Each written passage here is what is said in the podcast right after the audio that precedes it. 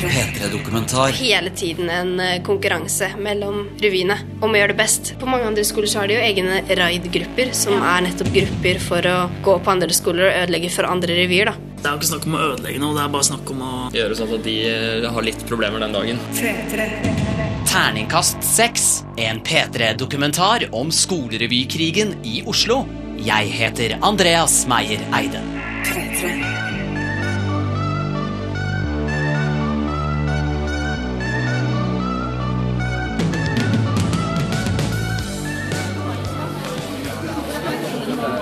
Nå føler jeg på nervøsitetsfølelsen på Ja, nå er den på topp. Nå, nei, nå er jeg skikkelig nervøs. Det er ikke en kul følelse, men det skal gå. Halla. Hva tenker du da? Nå står folk og venter på å se revyen deres. Jeg tenker shit, jeg lurer på hva, alle sammen kommer til å synes om revyen vår. Jeg vet de kommer til å digge den. Håper det, i hvert fall. Hvor mye tenker du på terningkast da? Tenker mye på det. Det ligger i bakhodet hele tiden. Til syvende og sist så er det mye av det det faller på. Hva den liksom endelige dommen blir, når man ser det svart på hvitt, hva terningkastet er. Hvor er Aftenposten? Aner ikke. De er undercover. De står ikke med noe skilt på Aftenposten, så det er litt skummelt. Men vi holdt av bra plasser til de, så de, de bør like det. For vi vet hvor de sitter, ikke sant. Så vi prøver å peke de ut, og tyde ut det vi kan. Men det er veldig vanskelig. Det går alltid sånne rykter om hva de har sagt, sagt blant publikum, og hva publikum sier at de liksom sier, da. Så det, ja, det er gøy å høre. Men det er mye, det er mye stress. Vi befinner oss på Elvebakken videregående skole i Oslo sentrum, og som vi hører, nervene hos revysjefene ved Elvebakken-revyen er litt shaky før premieren på årets oppsetning, Nextopia. Oslo-kulda river i nesa utafor, men inne i en lys og moderne skoleresepsjon står foreløpig rundt 70-80 mennesker i en litt svett billettkø og venter på forestilling. Elvebakken-revyen har jo stort sett alltid fått en sekser, så jeg vil jo si at eh, forventningene er ganske høye. Utrolig mye flink ungdom, det er jeg helt sikker på. Eller jeg vet. Altså, Det er jo kjent at Elvebakken de leverer jo alltid et stort show. Og eh, jeg håper vi får det i år òg. Vi vet jo det. De leverer hvert år. Hvert år er det knallhard kniving mellom over 20 Oslo-skoler om å lage den feteste og morsomste revyen. Men hvorfor er skolerevy en såpass stor greie her i Oslo? Vi skal følge Elvebakken-elevene frem mot premieren på årets revy, og prøve å forstå hvorfor Aftenpostens terningkast er den store forskjellen på suksess eller fiasko. Vi skal få høre om innbrudd, ran og sabotasje, møte en som mener revyfenomenet er blitt helt crazy, og noen unge, lovende komikere som har tatt steget fra skolerevyscenen til TV-skjermen. Er, vi har ganske store tanker på hva, som, ja, hva vi har lyst til å gjøre. Jeg hadde- kan fortelle et eksempel. I fjor så planla vi å ha en hoppbakke som en del av avslutningsnummeret, som da skulle være et utenummer. Eh, hvor vi virkelig planla alt, bestilte snø og lagde tegninger på hvordan hoppet skulle formes. De skulle hoppe og ta triks på ski på det hoppet, som en del av et avslutningsnummer. Ja. Maiken og Marie er to av de tre revysjefene på Elvebakken. De har øverste ansvar for hele organisasjonen, de styrer økonomien og holder løpende kontakt med alt fra instruktører, gruppesjefer og ledelsen på skolen. Man lærer utrolig mye. I hvert fall vi har jo på siden av å drive revy, så har vi også fått ledertrening av eh, Espen, som er produsent i år. Og jeg tror at vi lærer dobbelt så mye som det vi kunne gjort på å sitte på skolebenken på samme på en måte, tidsrom da, som vi driver med revy. Hvordan har eh, revyen blitt så, så svær på Elvebakken? da? Hvordan, hvordan har det gått til? Det var jo I anmeldelsen i fjor så sto det har de revytalent som inntaks, eh, inntaks hva heter det, krav på, på Elvebakken. Ja. Fordi det er så mange elever med liksom, talenter da, allerede som kommer inn på skolen. Jeg tror at eh, i og med at vi har gjort det så bra og har fått så gode anmeldelser, at det gjør at elever søker seg til denne skolen. Og eh, da Så har vi jo Espen Ja. som har vært med på å bygge opp revyen fra bunn. Eh, hvor var det revyen startet for elleve år siden? Det var et eller annet, borti et eller annet skur. Ja, borti her når skolen var eh, gammel og grå. Jo, men det har vi gjort. Nei, men det er denne her. Produsent Espen og koreograf Liv Marie sitter for øyeblikket og gjennomgår teksten til en Jens Stoltenberg-musikal. En gang til, da. Ja, jeg har røyka. Og hatt sex Ok, ja. med Live og Rune. Knut Arild var best. Espen var inntil i fjor instruktør for revyen, og har de siste tolv årene sett Elvebakkens forandring fra gettoskole til eliteskole. Ingen ville jobbe her, og ingen ville gå her. Politiet var her eh, oftere enn elevene, kanskje. Og så ble, miljø, nei, så ble revy en slags miljøtiltak. Skaper. Skaper. Men så bygget vi det sakte opp. Til slutt ble vi ganske gode. Og eh, debuterte på Parkteatret med et lite stykke Norge. Ja, sånn var det. Som fikk fem i Aftenposten. Mm. Litt sånn sympatifemmer, tror jeg, hvis jeg husker anmeldelsen rett. Og så satte vi opp eh, As Time Goes By året etterpå. Mm. Og som vi holdt på å avlyse klokka to natt til premiere fordi ingenting var på stell. Mm. Sikringsskapet gikk til helvete, og det var mye som skjedde i løpet av den forestillingen. Men uh, det var, ble vår første sekser. Og så kom vi tilbake hit. Ja, for det var ny skole. I 2004 så flytta vi jo inn her. Da, vi, da satte vi opp lek. For da hadde hun Frida, som var skuespiller, stjerne i As Time Goes By, hun var så sliten, og det var så sterkt å se henne bryte sammen, for hun var den som alltid sto på og hadde, ja, ga der hvor alle andre ga opp. Men hun var så sliten at hun sa neste år så skal vi bare leke oss, skal vi ikke det? Ikke ta ting så alvorlig. Så da dukket ideen om å lage en forestilling som het Lek opp. Og da fikk vi bare en firer. Og var så skuffa og mente at det var Aftenpostens feil, først og fremst, og ikke vår egen. Men vi tiltrekker oss ressurssterke mennesker. Mange søker seg til Elvebakken fordi de har lyst til å være med på en revy de har hørt mye om. Og det tror også rektor Per Solli. Jeg tror at revyen er en av flere ting som har vært med å snu skolen. Den ene av instruktørene våre i dag han ga tydelig uttrykk for at når han var en tiendeklassing, at jeg skal begynne på Elvebakken for jeg skal være med på revyen. Så han ga i hvert fall tydelig beskjed om at her, her er en sammenheng mellom søkning og revy.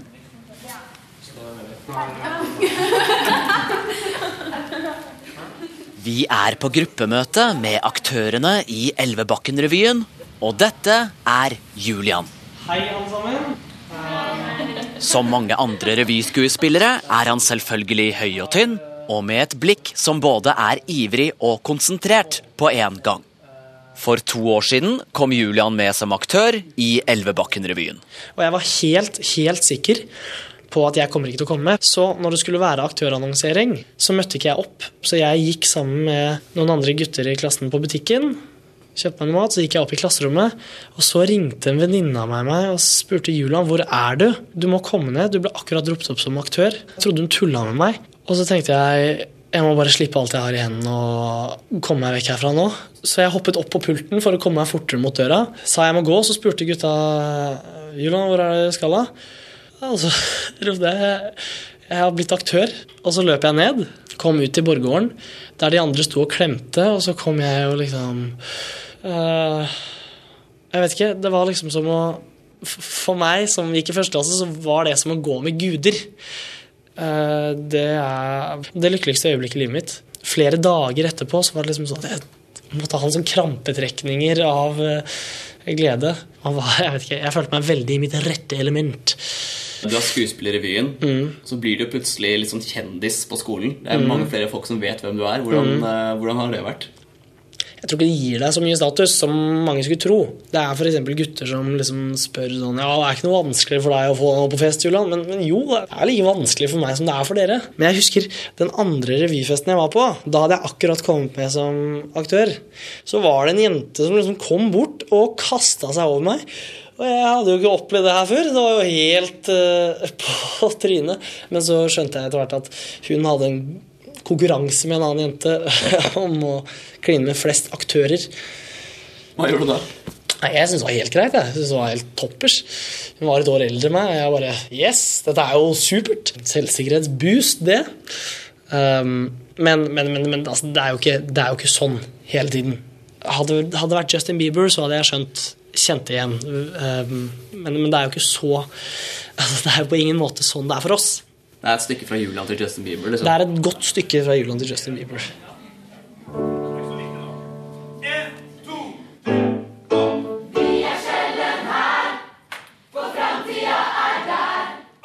Det nærmeste man kommer en gospelkirke i Harlem akkurat nå, er den romslige kantina på Elvebakken.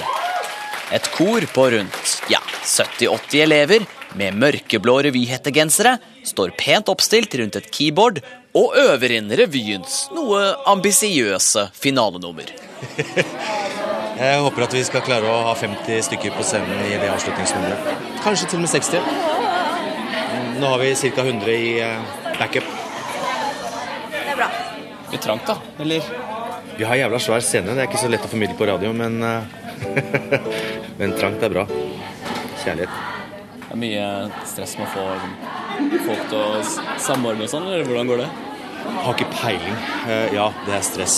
Her kreves det logistikk, og på et eller annet tidspunkt kommer vi til å sprekke. Det blir spennende. Det blir dritspennende. Halvannen uke til premiere, da. Ja, er du gæren? Ni dager igjen. Maiken eh, får litt angst av det, eh, Hva tenker du om det, Maiken? Jeg tenker at uh, før eller siden så kommer gruppesjefene til å få panikk. Og jeg òg.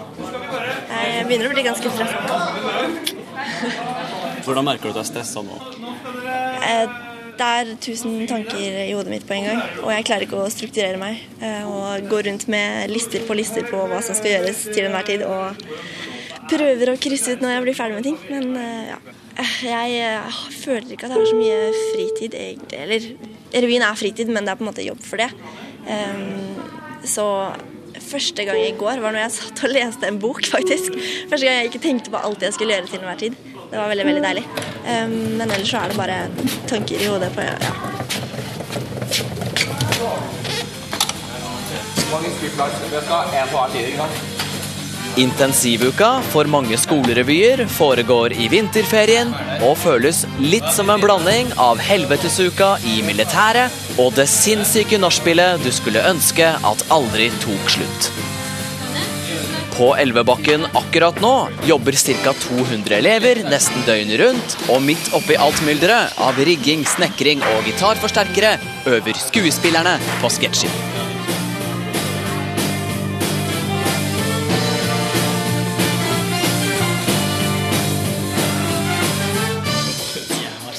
Slutte? Eller har vi Ja, vi, vi, vi, vi er ikke kutta, skjønner du. Å, det er det jeg skulle hatt den kutten. Ja. Can I have it? Ja. Oh, you will have to do it without the script. This is funny. This is insane, my friend. Okay, let's see. Ja. ja. Å, for en dag. Hei, Jørgen. Var det en fin dag på jobben? Nei, jeg er så drittlei. Midt i et klasserom står Julian og øver inn yndlingsrollen som gammel mann som snart skal få hjerteinfarkt. At jeg holder ut. Julian er med i revyen tredje året på rad, men han husker godt hvor big deal det var å møte på audition som en noe usikker førstis. Jeg trodde vi bare dro som en påskudd. Masse flere mennesker i salen enn det jeg trodde. Jeg husker jeg så utover på en måte bare et hav av mennesker.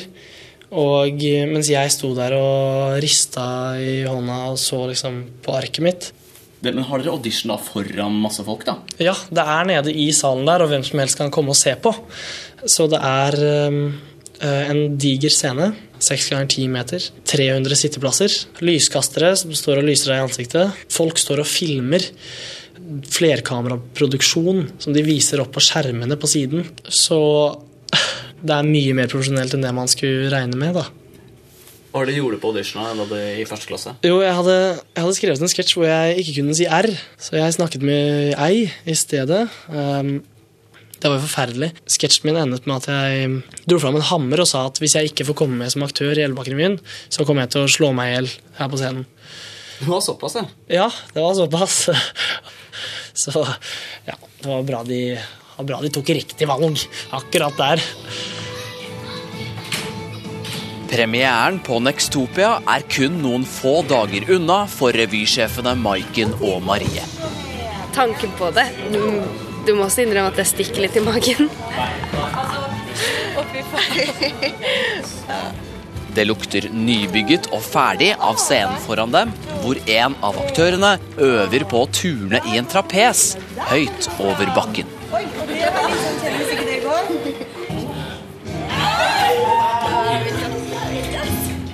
Det blir litt som en eh, russebuss, føler jeg. Det er litt sånn sånn, ja, Legger man i mye effort i å gjøre det bra, så vil man jo få uttelling for det. Ikke at jeg er så veldig opptatt av russetiden, men eh, jeg føler at det har blitt eh, litt sånn sammenlignet de siste årene. Det har blitt så populært. ja. Dere syns ikke at det er blitt for mye alvor, da? Dette terningkastpress og denne konkurransen? Vi har vært flinke til, og vi har ikke jobbet med revyen helt fra vi startet. Vi har på en måte vært flinke til å aktivisere oss og bli kjent med medlemmene på et helt annet nivå enn bare jobbing. da. Hvor vi på en måte har hatt båtrace i Akerselva. Grillet pølser, Grill- ja. dratt på hyttetur. Ja. Rett og slett gjort mye sosialt, da. Eh, Så revyen er eh, 50% gøy, 50 alvor, vil jeg si. Mm. Om ikke mer. Ja. Er ikke det viktigere enn terningkastet? Det er liksom driven bak at folk vil være med på å lage revy og syns det er gøy å lage revy. At de føler et slags press på å lage en god revy, på å alltid prestere sitt beste. Altså Det går jo helt inn rykter om hvordan den og den revyen er. Så det handler veldig mye om rykte også, altså. Men uh, hvis det er en revy litt sånn utafor som man ikke har så mye nettverk i, eller som man ikke på en måte kommer i så mye kontakt med, så stoler man ene eller den på Aftenposten. I hvert fall gjør jeg det. Terningkastet og anmeldelsen er liksom noe av det grunnlaget for hvor mange som kommer og ser revyen. Hva med hvis dere ikke får den sekseren? Hva, hva gjør dere da? Da blir det dårlig stemning. ja, Så må man jo gå gjennom hva man har gjort eh, galt. da. Tenke hva man kan gjøre bedre neste år. Men terningkast fem, for eksempel, det er en veldig hederlig karakter. Er ikke det noe å være fornøyd med? Vi har fått sekser seks år på rad og vunnet eh, Tre tre revypriser. Så å få en femmer, det, da blir jeg i hvert fall veldig skuffet. Det tror jeg alle i organisasjonen blir. Det er vel enig. Men har det alltid vært like høyt fokus på terningkast blant revyene? Jeg stikker for å møte TV-produsent og regissør Alexander Herresdal. Han driver Seafood TV sammen med komikerne Espen Eckbo og Christian Ødegaard. Alexander har fulgt skolerevyfenomenet siden han selv spilte på midten av 90-tallet. Adrian. Hyggelig. hyggelig. Eh, Det som skjedde veldig fort da jeg ble med i skolerevy, var at Aftenposten begynte å anmelde skolerevyene også med terningkast. Det var kanskje den store store vridningen i skolerevymiljøet. Det var at det plutselig ble mer profesjonelt. Alle ble veldig stressa for disse terningkastene. Og, det, man kunne liksom få alt fra én til seks. Og det var ikke så mye ener og toer i begynnelsen, men bare det å få en treer kontra en sekser var jo en stor, stor forskjell. Så det tror jeg hadde veldig veldig mye å si for at man la mer energi ned i, i arbeidet med revyen. Og det ble mer konkurranse internt mellom skolene òg, faktisk. Hvordan opplevde dere det? Egentlig ikke som noe negativt. Vi opplevde det egentlig noe som bare skjerpet konkurransen, og som gjorde at man fikk lyst til å prestere.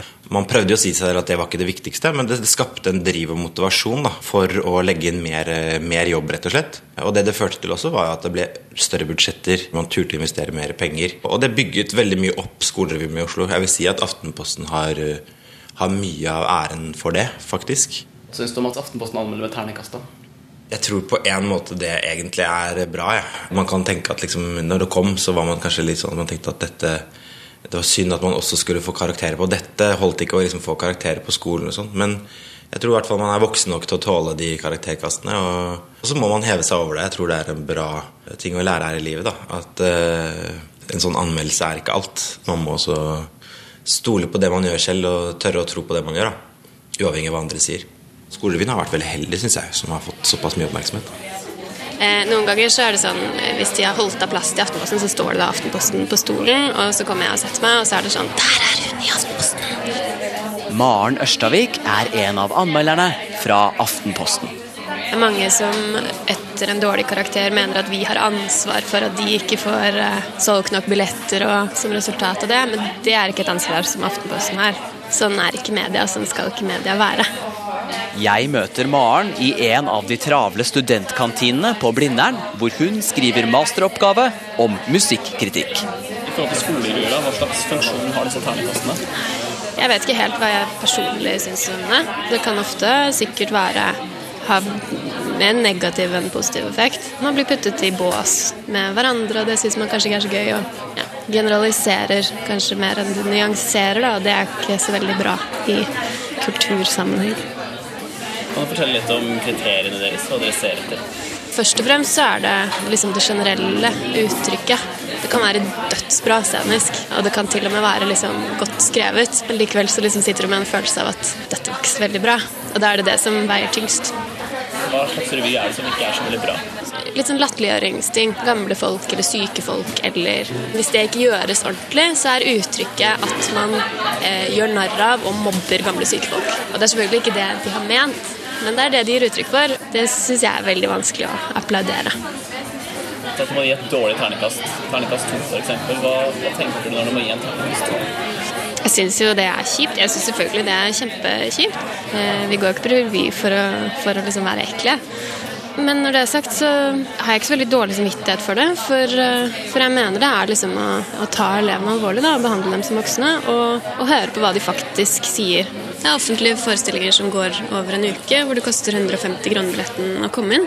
Og det er, eh, er dyrere enn å gå i operaen hvis du er flink til å lete etter billetter. Da må man også tåle å være en offentlig forestilling og bli anmeldt i en offentlig avis.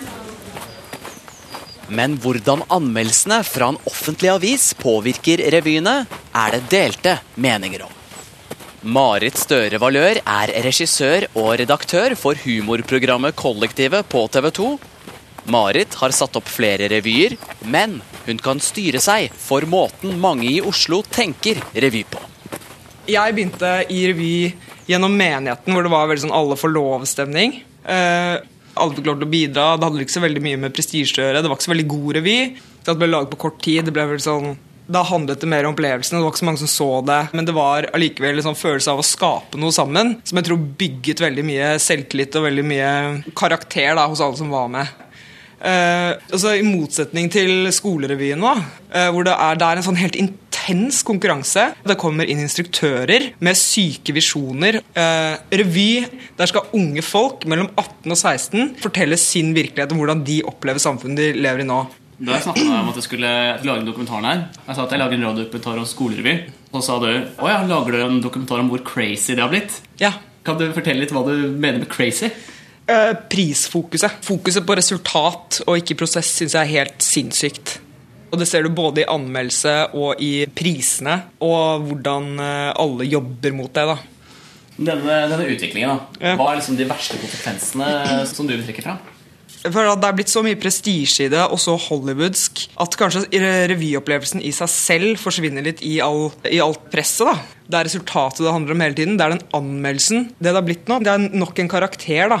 Du skal bli dømt i en stor avis første gang du står på scenen. tror jeg ikke er spesielt sunt. da. Prøve og feile foran hele Oslo med en gang.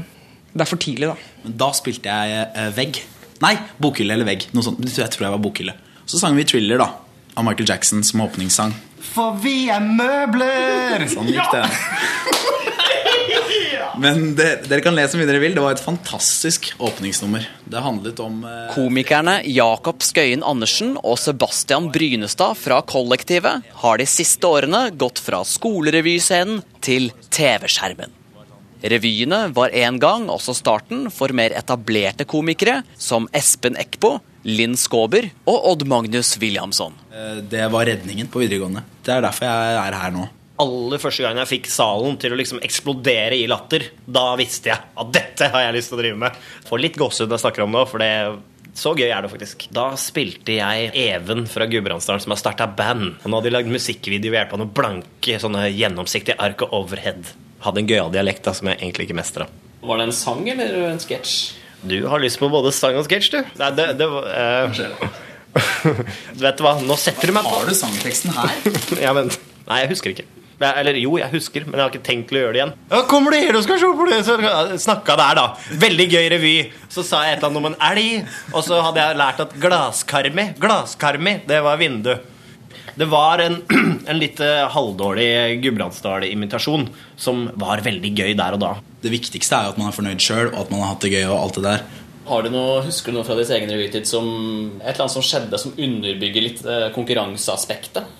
Da jeg satte opp nissene mine, så kom det jo noen og liksom skrev med sende på ketsjup en eller annen revy på gulvet. Og sånne ting Og det var noe som ble tæsja, og det var noe som ble tatt her og der. Sånn.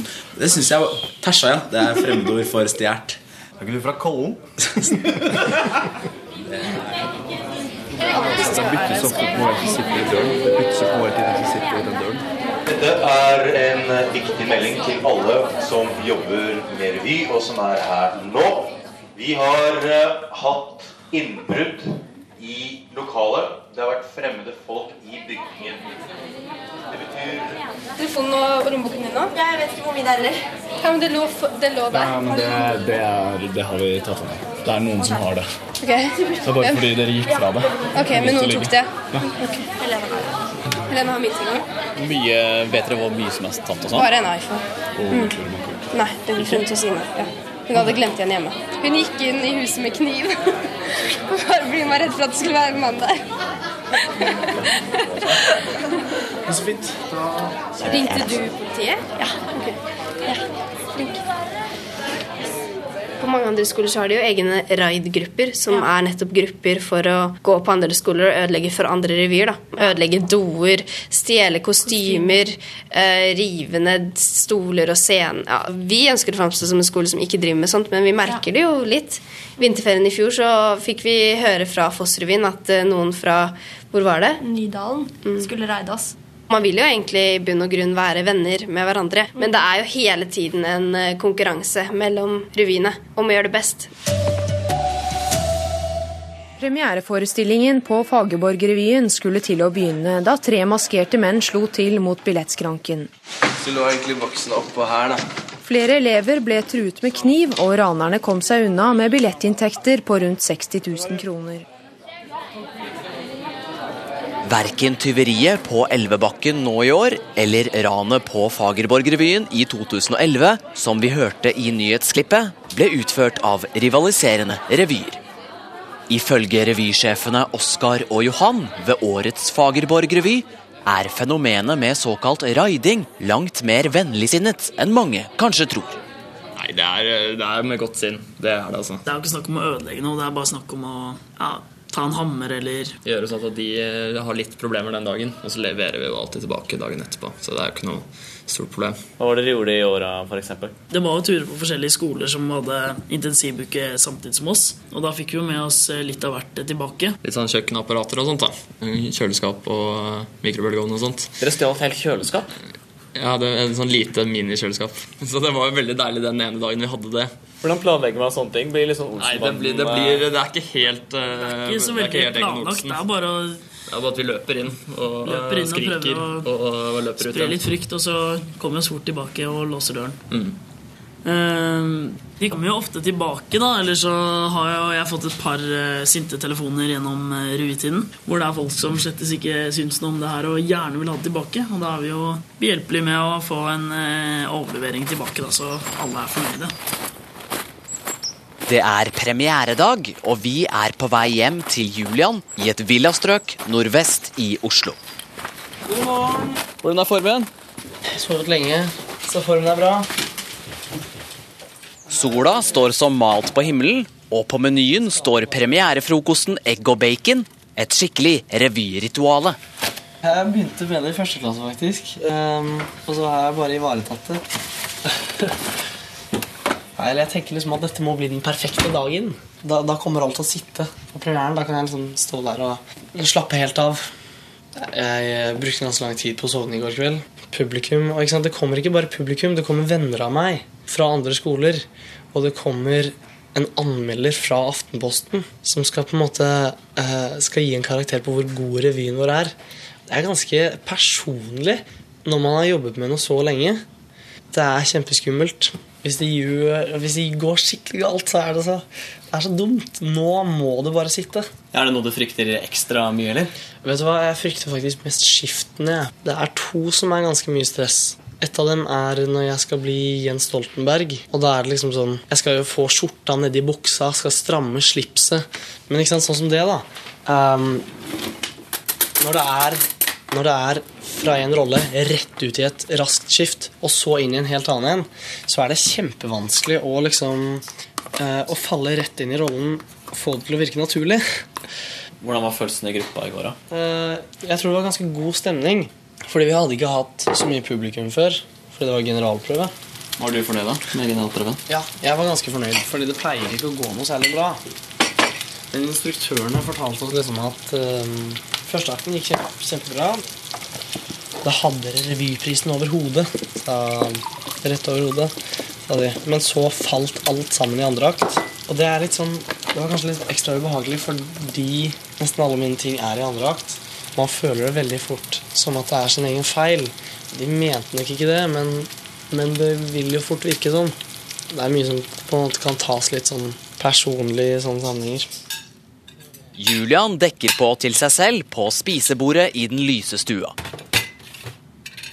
Foran ham ligger egg, bacon og tomat, nøye dandert på tallerken. Eh, Jeg har alltid vært litt sånn at alt må være klart før jeg kan fullføre noe. Altså, maten må ligge pent oppsatt på tallerkenen før jeg kan begynne å spise. Um, og på dager som dette er det ekstra viktig for meg. Dette er det jeg holder på med. Dette er det jeg gjør hvert år. Hele året bruker jeg på å tenke hvordan blir revyen? Hvilke tanker eh, og forberedelser kan jeg gjøre? Så det er på en måte I dag er toppunktet for um, livet mitt, kan man si. da. I hvert fall så langt jeg har kommet nå. Premieren er kun få minutter unna i resepsjonen på Elvebakken. Rundt 300 publikummere er i ferd med å slippes inn i auditoriet. Åh, Det er liksom helt sykt at eh, dagen endelig er her. Når vi har jobbet så lenge med noe, så er det, virker det liksom så utrolig langt unna, men plutselig så er det dagen kommet. Gleder du deg? Ja, kjempemasse. Gleder meg veldig. Det blir gøy. Nå gjelder det. Nå skal jeg gi alt.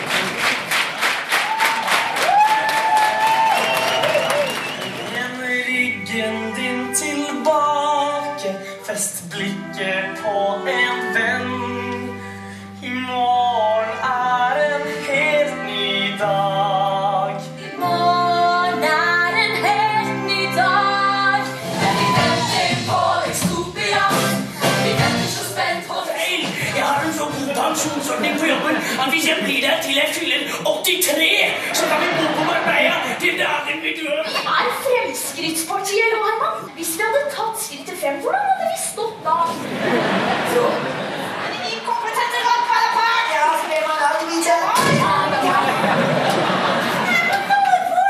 Ikke på, men i Nordpolen. Velkommen! Den veien er jeg som har statsminister. Ja,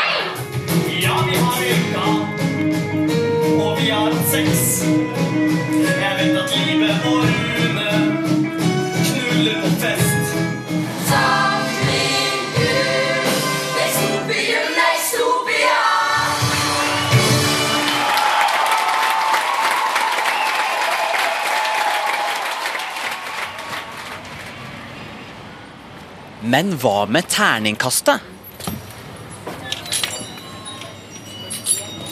I en altfor trang sushisjappe i Oslo sentrum har ca. 30 Elvebakken-elever stuet seg sammen.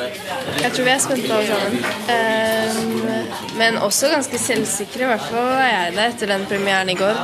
Den eh, karakteren vi får nå, den gjenspeiler virkelig forestillingen vår, fordi vi kunne ikke prestert bedre i går. For å si det sånn. Alle venter på den endelige dommen. Terningkast seks eller fiasko. Ok, folkens, da skal vi lese anmeldelsen. Ok. Elvebakkrevyen 2013. Gåsehud og latterkrampe. Elvebakkrevyen innfrir alle forventninger og mer til. I år er det nesten like høye forventninger til Elvebakkrevyen som det er til Petter Northug, og mange har spurt seg selv hva blir det neste. Selvfølgelig er nettopp det neste også tema for revyen, som toppet hele revykavalkaden i fjor. Og ja, de klarer kunststykket å hoppe etter Wirkola, altså seg selv. Samtlige aktører gjør en strålende jobb og spiller hverandre he gode hele veien, men det er noen skuespillere som utmerker seg spesielt. Kristine Stiberg imponerer som Siv Jensen, en robot og Liv Signe Navarsete. Julian Mælen briljerer som Jens Stoltenberg, Birken-avhengig og sjefen for Lekefabrikken.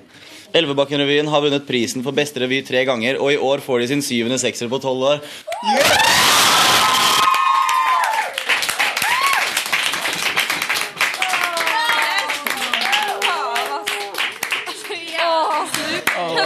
Fy faen, ass. Det er så jævlig Det så deilig. Det er så deilig. Det beste med revytiden er jo helt klart alle menneskene eh, som man blir kjent med og knytter bånd til og jobber så tett sammen med. Det har vært en opplevelse og erfaringer og minner jeg tar med meg for resten av livet. Og det var så digg, og jeg bare kjente meg så mye lettere. Når jeg liksom gikk ut Så var det sånn at jeg nesten måtte danse litt i gatene. Det er virkelig en helt fantastisk opplevelse. Og karakteren blir en sånn ekstra bonus, da. Veldig sterkt vennskap, nære bånd, hyggelige stunder eh, og sånne ting. Det er på en måte det jeg liker best, kanskje, med å være med på revy. Det som er igjen etter forestillingen. Det var